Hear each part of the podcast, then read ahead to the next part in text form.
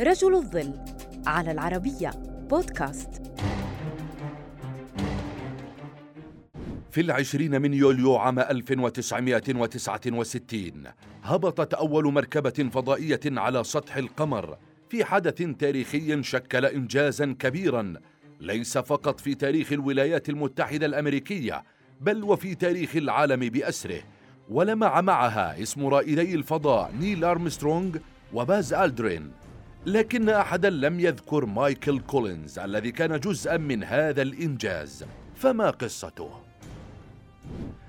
ولد مايكل كولينز في إيطاليا عام 1930 لأب عسكري وانتقلت عائلته إلى واشنطن إبان الحرب العالمية الثانية وهناك أمضى طفولته قبل أن ينتقل لنيويورك حيث حصل على درجة البكالوريوس من أكاديمية ويست بوينت العسكرية وهو ما أهله للالتحاق بالقوات الجوية كطيار مقاتل.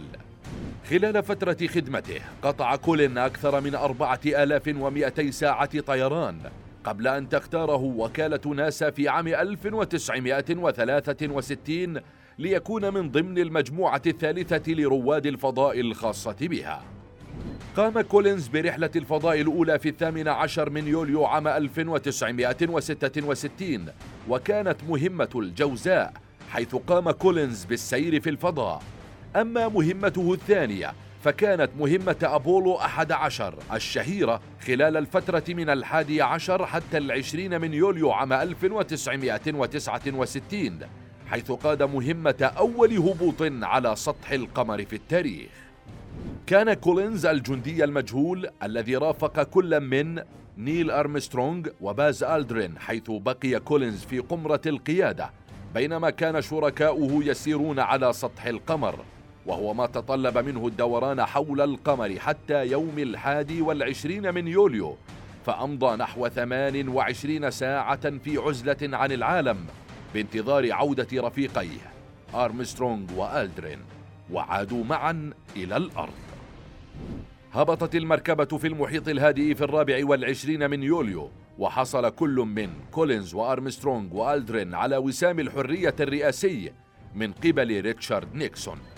بقي كولينز يعمل في وكالة ناسا حتى يناير عام 1970 سجل خلالها 266 ساعة في الفضاء ثم أصبح مساعدا لوزير الخارجية للشؤون العامة.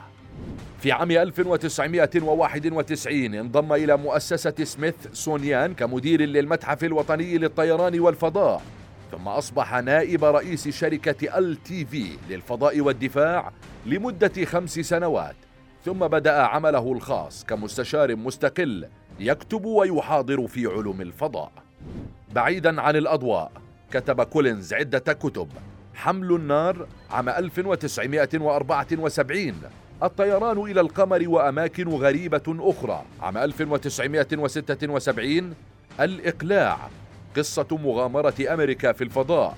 عام 1988 مهمة إلى المريخ. عام 1990 قبل وفاته بمرض السرطان في الثامن والعشرين من أبريل عام 2021 منح كولينز درجات فخرية من ست جامعات. ونال أيضا أوسمة وجوائز كثيرة لكن شيئا لم يعوضه عن تلك اللحظات التي تذكر فيها مهمة أبولو أحد عشر وينسى اسمه.